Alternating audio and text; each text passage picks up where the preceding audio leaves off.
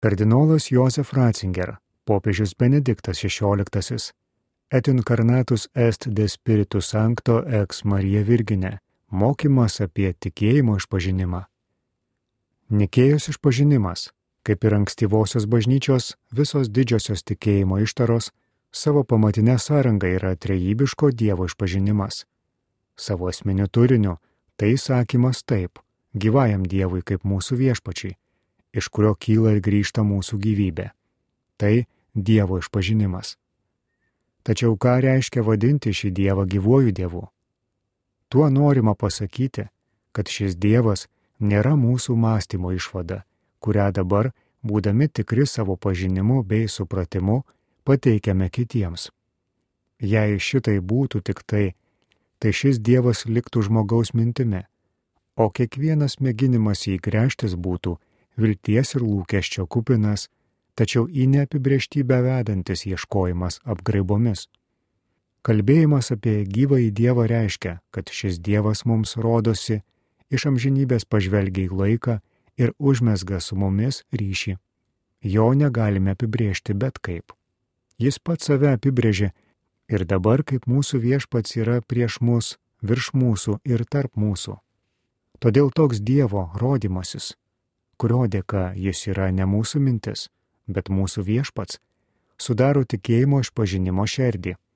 Dievo istorijos žmonių istorijoje išpažinimas neišplaukia iš Dievo išpažinimo paprastybės, bet yra jo vidinė sąlyga. Todėl visų mūsų išpažinimų centras yra taip Jėzui Kristui. Šventosios dvasios veikimu priemė kūną iš mergelės Marijos ir tapo žmogumi. Tardami šį sakinį priklaupėme, nes šioje vietoje atveriamas dangus praskleidžiamas Dievo slaptumo šydas ir mus tiesiogiai paliečia slėpinys. Tolimas Dievas tampa mūsų Dievu, tampa Emanueliu, Dievu su mumis. Didieji bažnytinės muzikos meistrai šiam sakiniui vis naujai suteikdavo skambesi, per kurį neišsakomybę palyti mūsų klausą ir širdį. Tokios kompozicijos yra slėpinė egzegezė, pasiekianti gilesnius klodus negu mūsų visos racionalios interpretacijos. Tačiau kadangi tas, kas tapo kūnu, buvo žodis, turime nuolatos mėginti šį pirminį žodį, kuris buvo pas Dievą ir buvo Dievas, išversti į žmogaus žodžius, kad žodžiuose išgirstume žodį. Tikėjimo išpažinimo sakinio gramatika ir turinys.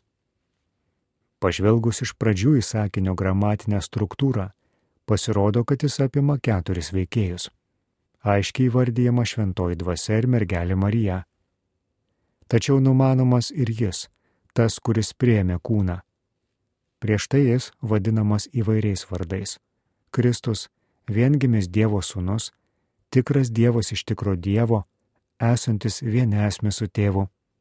Tad šiame jis neatskiriamai slypi dar vienas aš. Tėvas, su kuriuo jis yra vienos esmės ir todėl gali vadintis Dievu iš Dievo. Tai reiškia, pirmutinis ir tikrasis šio sakinio veikėjas yra po to, ką apmastėme ir negali būti kitaip - Dievas, tačiau Dievas kaip trys veikėjai, kurie vis dėlto yra tik vienas - Tėvas, Sūnus ir Šventoji Dvasia. Bet sakinio dramatiškumą sudaro ne ištara apie amžiną Dievo būti, bet ištara apie veiksmą, kuri, atidžiau pasižiūrėjus, pasirodo esanti ištara apie kančią, kaip pasyvas. Prie šios ištaros apie veiksmą, kuriame savaip dalyvauja trys dieviški asmenys, priklauso eks Marija Virginė. Maža to šis pasakymas lemia visumos dramatiškumą. Juk be Marijos Dievo įžengimas į istoriją būtų nepavykęs. Būtų nepasiekta tai, ką sakome išpažindami tikėjimą, kad Dievas yra ne tik Dievas savyje ir savo, bet ir Dievas su mumis. Tad gyvojo Dievo išpažinimo širdyje stovi pati save nuolankę, tai yra bevardė pavadinusi moteris ir yra nuo jo neatskiriama. Ji neatsiejama nuo mūsų tikėjimo į gyvą įveikiantį Dievą. Žodis tampa kūnu, amžinasis prasmės pradas įžengia į pasaulį. Jis žvelgia į jį ne tik išorės, bet ir pats tampa veikiančiuoju jame. Kad tai būtų galėję įvykti, reikėjo mergelės, leidusios, kad visas jos asmuo, tai yra jos kūnas, ji pati, taptų Dievo gyvenimo pasaulyje vieta. Įsikūnymui reikėjo prieimimo. Tik taip liogos ir kūnas tikrai tampa viena. Tas, kuris tave sukūrė be tavęs, nenorėjo tavęs atpirkti be tavęs. Apie tai yra sakęs Augustinas. Pasaulis, į kurį ateina sūnus, kūnas, kurį jis priima, nėra kažkas ir kažkur. Tas pasaulis, tas kūnas, tai žmogus, atvira širdis. Laiškė žydams tapimą žmogumi, remiantis psalmėmis, aiškinamas kaip Dievo viduje vykstantis realus dialogas. Paruošiai man kūną, sako sunus tėvui. Tačiau kūnas paruošiamas ir tuo, kad ir Marija sako, aukų ir atnašų tu nebenori, bet paruošiai man kūną, štai ateinu, vykdyti, o Dieve, tavo valios. Kūnas sūnui ruošiamas per tai, kad Marija visiškai atsiduoda tėvo valiai, taip leisdama padaryti save šventosios dvasios palapinę. Biblinis sakinio fonas. Norėdami suvokti visą išpažinimo pagrindinio sakinio gelmę, turime grįžti prie kredo šaltinio - šventojo rašto. Atidžiau pažvelgus, tikėjimo išpažinimas šioje vietoje atsiskleidžia kaip trijų didžių biblinių sunaus tapimo žmogumi liudijimų santrauka. Nesileisdami į smulkmenišką šių tekstų aiškinimą, pamėginkime susipažinti su jų kas kart savitų ir ypatingų indėlių į Dievo tapimo žmogumi supratimą. Evangelija pagal Matą, pirmas skyrius 18-25 eilutės. Matas savo Evangeliją rašo žydams ir iš žydų kilusiems krikščionėms, tad jam svarbu išryškinti senosios ir naujosios sandoros testinumą. Senasis testamentas krypsta Jėzų, jame išsipildo pažadai, vidinis lūkesčio ir išsipildymo ryšys sikiu tampa įrodymu, kad čia tikrai veikia Dievas ir kad Jėzus yra Dievo atsiustasis pasaulio gelbėtojas.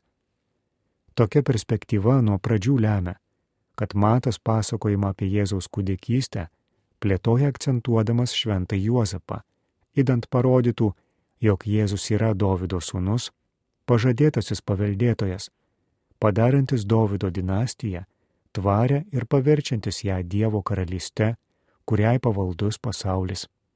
Kilmės medis, kaip Dovidiškasis kilmės medis veda Juozapą link. Angelas apne užkalbina Juozapą kaip Dovido sūnų, todėl Juozapas duoda Jėzui vardą. Jis priimamas kaip sūnus suteikiant jam vardą. Būtent todėl, kad Matas nori parodyti pažado ir išsipildymo sąryšį, šalia Juozapo atsistoja mergelė Marija. Vis dar neatskleistas ir nesuprantamas buvo pažadas, Dievo duotas per pranašą Izaiją, sviruojančiam karaliui Ahazui, kuris pats, spaudžiamas besertinančių priešiškų kariuomenių, nenori Dievo prašyti ženklo. Todėl pats viešpats duos jums ženklą Štai mergelė laukėsi kūdikio, ji pagimdys sūnų ir pavadins jį vardu Emanuelis - Dievas su mumis. Niekas negali pasakyti, ką toks ženklas istorinę karaliaus Ahazo valandą galėjo reikšti. Ar jis buvo duotas ir koks. Pažadas toli pranoksta tą valandą. Jis toli pranoksta Izraelio istoriją kaip į ateitį. Į nežinomybę rodanti vilties žvaigždė. Matų šydas nukrinta su Jėzus gimimu iš mergelės Marijos. Būtent dabar duodamas šis ženklas. Mergelė pagimdanti šventosios dvasios gale - štai ženklas. Su šia antra pažado linija susijęs ir naujas vardas - Jėzaus vardui suteikiantis visą jo reikšmę bei gelmę. Izaijo pažado vaikui duotas vardas Emanuelis kartu išplečia Dovidišką į pažadą šio vaiko karalystė siekia toliau, negu Dovidiškasis pažadas leido tikėtis. Jo karalystė yra paties Dievo karalystė. Jis dalyvauja visuotinėje Dievo viešpatystėje, nes jame į pasaulio istoriją įžengė pats Dievas. Tiesa, tokia žinia, pasirodanti Jėzaus pradėjimo ir gimimo istorijoje, toliau pratesiama tik paskutinėse Evangelijos eilutėse. Savo žemiškojo gyvenimo metu Jėzus žino esąs griežtai susijęs su Izraelio namais, dar nepasiūstas į pasaulio tautas. Tačiau po mirties ant kryžiaus, kaip prisikilusysis, jis sako, padarykite mano mokiniais visų tautų žmonės. Štai aš esu su jumis per visas dienas iki pasaulio pabaigos. Dabar jis čia pasirodo kaip Dievas su mumis, kurio nauja karalystė apriepia visas tautas, nes Dievas yra tik vienas visiems. Atsižvelgdamas į tai, Matas vienoje Jėzaus pradėjimo istorijos vietoje pakeičia Izaijo žodžius. Jis nebesako, ji, mergelė, pavadins jį vardu Emanuelis, bet jie vadins jį Emanueliu, Dievas su mumis. Šiame jie ryškėja būsima tikinčiųjų bendruomenė, bažnyčia, kuri tuo vardu šauksis Jėzaus. Šventojo mato pasakojime visą kreipia į Kristų, nes visą orientuota į Dievą. Tad tikėjimo išpažinime tai pagristai buvo suprasta ir perteikta bažnyčiai. Tačiau kadangi Dievas dabar yra su mumis, esmingai reikšmingi yra ir žmogiškiai pažado nešėjai. Juozapas žymi Dievo ištikimybę Izraeliui. Tuo tarpu Marija įkūnija žmonijos viltį. Juozapas yra tėvas pagal teisę, tuo tarpu Marija motina pagal savo kūną. Jos dėka Dievas dabar yra tikrai tapęs vienu iš mūsų. Evangelija pagal Luką, pirmas skyrius, 26-38 eilutės. Dabar meskime žvilgsnį, kaip Jėzaus pradėjimą ir gimimą vaizduoja Lukas. Ne tam, kad čia šį neapsakomai turtingą tekstą aiškintume kaip tokį, bet kad suvoktume jo ypatingą indėlį į tikėjimo išpažinimą. Apsiribosiu Arkangelo Gabrieliaus apriškimu, kad gimsės Jėzus Lukas angelo žodžiuose leidžia suspindėti trejybės liepiniams, taip suteikdamas vyksmui tą teologinį centrą, su kuriuo visa išganimo istorija susijusi ir išpažinime. Gimęs kūdikis vadinsis aukščiausiojo Dievo sūnus. Jie aukščiausiojo galės slėpiningai pradės šventoji dvasia. Tada kalbam apie sūnų, netiesiogiai apie tėvą ir šventąją dvasę. Šventosios dvasios nužengimui ant Marijos išreikšti Lukas vartoja žodį pridengti. Taip jis daro užuominą į Senojo testamento pasakojimus apie šventąjį debesį, kuris virš susitikimo palapinės rodydavo Dievo apsigyvenimą. Taip Marija paženklinama kaip naujoji palapinė, gyvoji sandoros arka. Jos taip virsta susitikimo vieta kur Dievas pasaulyje atranda buveinę. Dievas negyvena akmenyse. Jis gyvena šiame kūnu ir sielą apdovanotame taip. Tas, kurio pasaulis neįstengia priepti, visas gali apsigyventi žmoguje. Šis naujosios šventyklos, tikrosios sandoros skrynios motyvas Luko Evangelijoje dažnas, ypač angelo pasveikinime Marijai. Džiaukis malonėmis apdovanotoji. Viešpat su tavimi Šiandien beveik niekas nebeginčia, kad šiais Luko perteiktais angelo žodžiais pakartojama Ziono dukteriai skirta ištara apie Dievo gyvenimą joje. Tad šio sveikinimo dėka Marija iškyla kaip įasmeninta Ziono duktė ir kartu kaip apsigyvenimo vieta, kaip šventoji palapinė, virš kurios pakibęs Dievo buvimo debesis. Šią mintį kuri vėliau paveikia ankstyvosios krikščionybės ikonografiją, perėmė bažnyčios tėvai. Švytinti lasda rodo šventą Juozapą esant vyriausiųjų kunigų, krikščionių vyskupo prototipu. Tuo tarpu Marija yra gyvoji bažnyčia. Ant jos nužengia šventoji dvasia ir taip ji tampa naujaja šventikla. Teisusis Juozapas paskiriamas Dievo slėpinių patikėtiniu. Šventovės kuri yra sužadėtinė ir liogos joje, namų šeimininku bei sergėtoju. Taip jis tampa vyskupo, kuriam patikėta sužadėtinė įvaizdžiu. Jis ją nedisponuoja, bet ją sergi. Visa čia orientuota į trejybinį dievą. Bet būtent todėl jo kartu buvimas istorijoje tampa ypač akivaizdus ir apčiuopiamas Marijos ir bažnyčios lėpinyje. Mūsų klausimai, mano akimis, svarbus dar vienas Luko pateikiamos apreiškimo istorijos momentas. Dievas prašo žmogaus taip. Jis nesinaudoja tiesiog savo gale. Sukurdama žmogų jis sukūrė laisvą priešai save esantįjį. Ir dabar, kad tikrovė galėtų tapti jo karalystė, besiremianti ne išorinę galę, bet laisvę, jam reikia to kūrinio laisvės. Bernardas Klervietis viename iš savo pamokslų dramatiškai pavaizdavo šį Dievo ir žmonijos laukimą.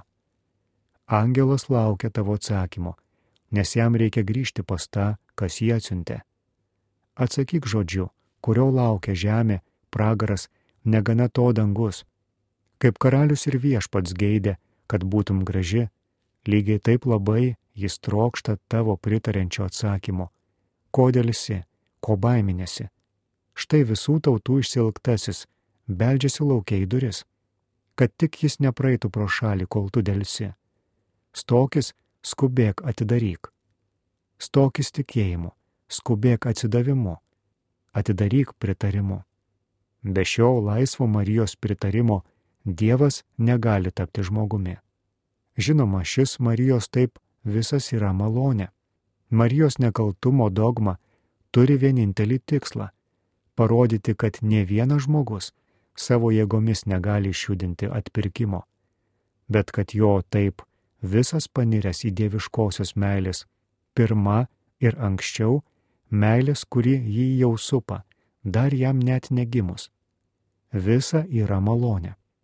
Tačiau malonė nepanaikina laisvės, priešingai ji ją sukuria. Šioje istorijoje glūdi ir Marijos asmenyje susitelkia visas atpirkimo slėpinys. Štai aš viešpatės tarnaitė, te būna man, kaip tu pasakėjai. Jono Evangelijos prologas. Atsigręžkime dabar į Jono Evangelijos prologą, kurio tekstu remiasi tikėjimo išpažinimas. Čia irgi ten norėčiau išsikirti tris mintis. Tas žodis tapo kūnu ir pasistatė savo palapinę tarp mūsų. Liogos tampa kūnu. Mes taip pripratome prie tų žodžių, kad mums nebekrinta į akis ta nepaprasta dieviškoji regis nesujungiamų atskirybių sintezė, į kurią bažnyčios tėvai įsimastė žingsnis po žingsnio. Čia glūdėjo ir tebe glūdė ta tikrai krikščioniška naujybė, kuri graikiškai į dvasiai atrodė absurdiška bei neįsivaizduojama. Kas čia sakoma, nekyla iš kokios nors kultūros, pavyzdžiui, semitų ar graikų, kaip šiandien nesusimastant vis teigiama.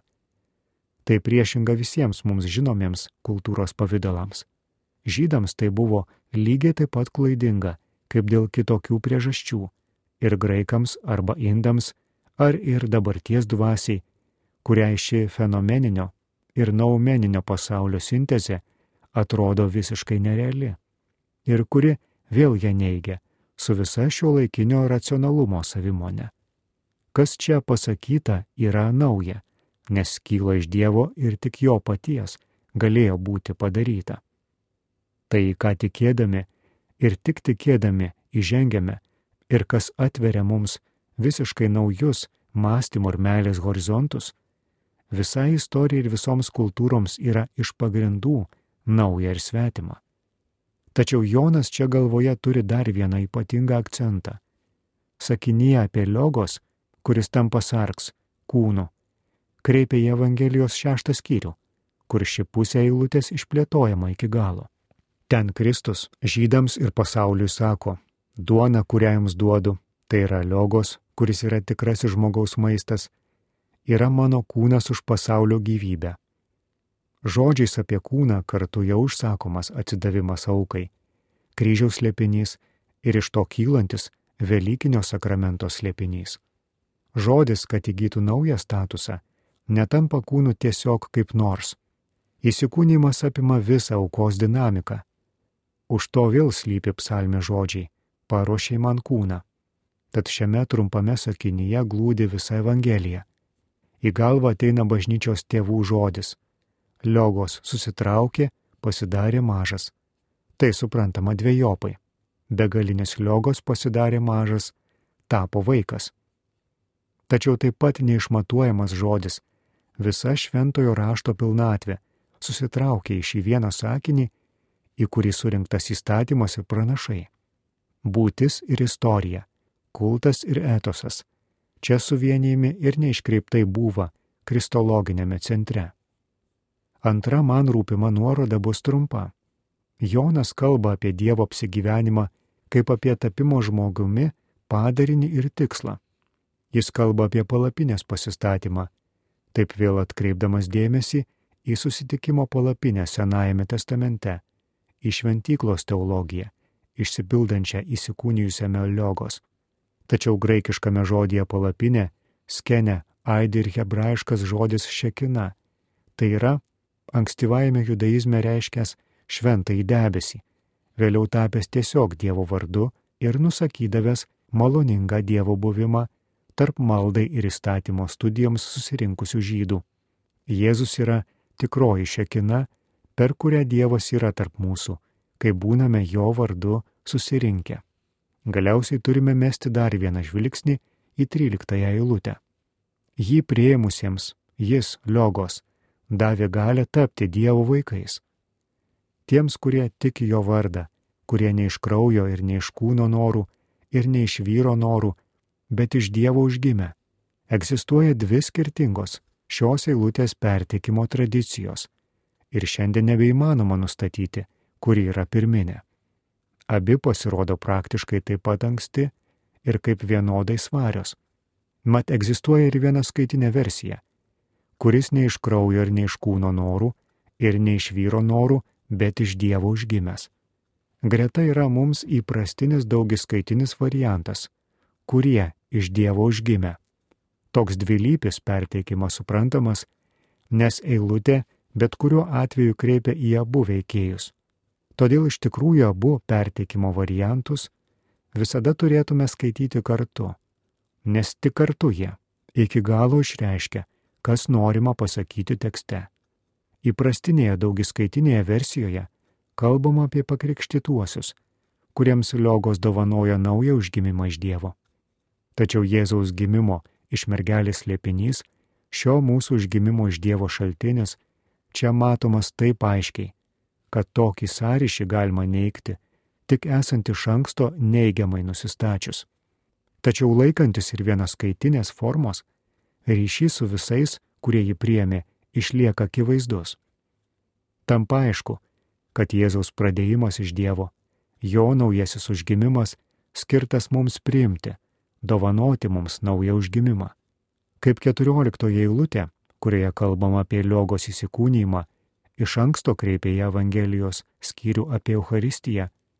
Lygiai taip ir čia negalima nenuvokti pokalbio su Nikodemu trečiajame skyriuje.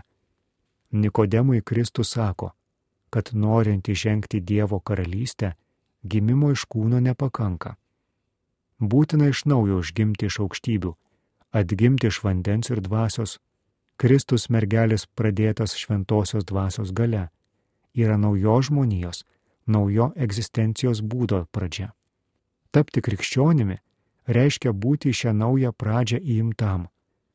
Tapti krikščionimi reiškia labiau atsigręžti naujas idėjas, naują etosą, naują bendruomenę. Čia vykstantis virsmas yra realus gimimas, naujas sukūrimas. Tačiau atpirkimo vyksmo centre vėl stovi mergelė motina, visa savo būtimi laiduodama Dievo padarytą naują. Tik jei jos istorija yra tiesa ir yra pradžioje, tik tuomet teisingi Pauliaus žodžiai, kas yra Kristuje, yra naujas kūrinys. Dievo pėtsakai. Dievas nesusisaistė su akmenimis, jis susisaisto su gyvai žmonėmis. Marijos taip atveria jam erdvę, kuris gali pasistatyti savo palapinę, ji pati jam tampa palapinę ir taip yra šventosios bažnyčios savo ruoštų kreipiančios į naująją Jeruzalę, kurioje nebėra jokios šventyklos, nes Dievas pats joje gyvena pradžia. Tad pakrikštytųjų išpažinime išpažįstamas tikėjimas į Kristų viena vertus yra sudvasinimas ir apvalimas viso to, kas apie Dievo gyvenimą pasaulyje pasakyta ir ko laukta religijos istorijoje tačiau kartu tai visus lūkesčius pranokstantis Dievo buvimo su žmonėmis įkūnijimas ir sukonkretinimas. Dievas yra kūne. Būtent šis neišardomas Dievo ryšys su savo kūriniu yra krikščioniškojo tikėjimo širdis. Jei taip yra, tai tada suprantama, kodėl krikščionis nuo pradžių šventomis laikė tas vietas, kuriuose šis vyksmas vyko. Jos tapo nuolatiniu Dievo įžengimo į pasaulį laidu. Nazaretas, Betlėjus ir Jeruzalė taip tapo vietomis, kur galima pamatyti tartum Dievo pėtsakus, per kuriuos prie mūsų visiškai priartėja Dievo įsikūnymo slėpinys.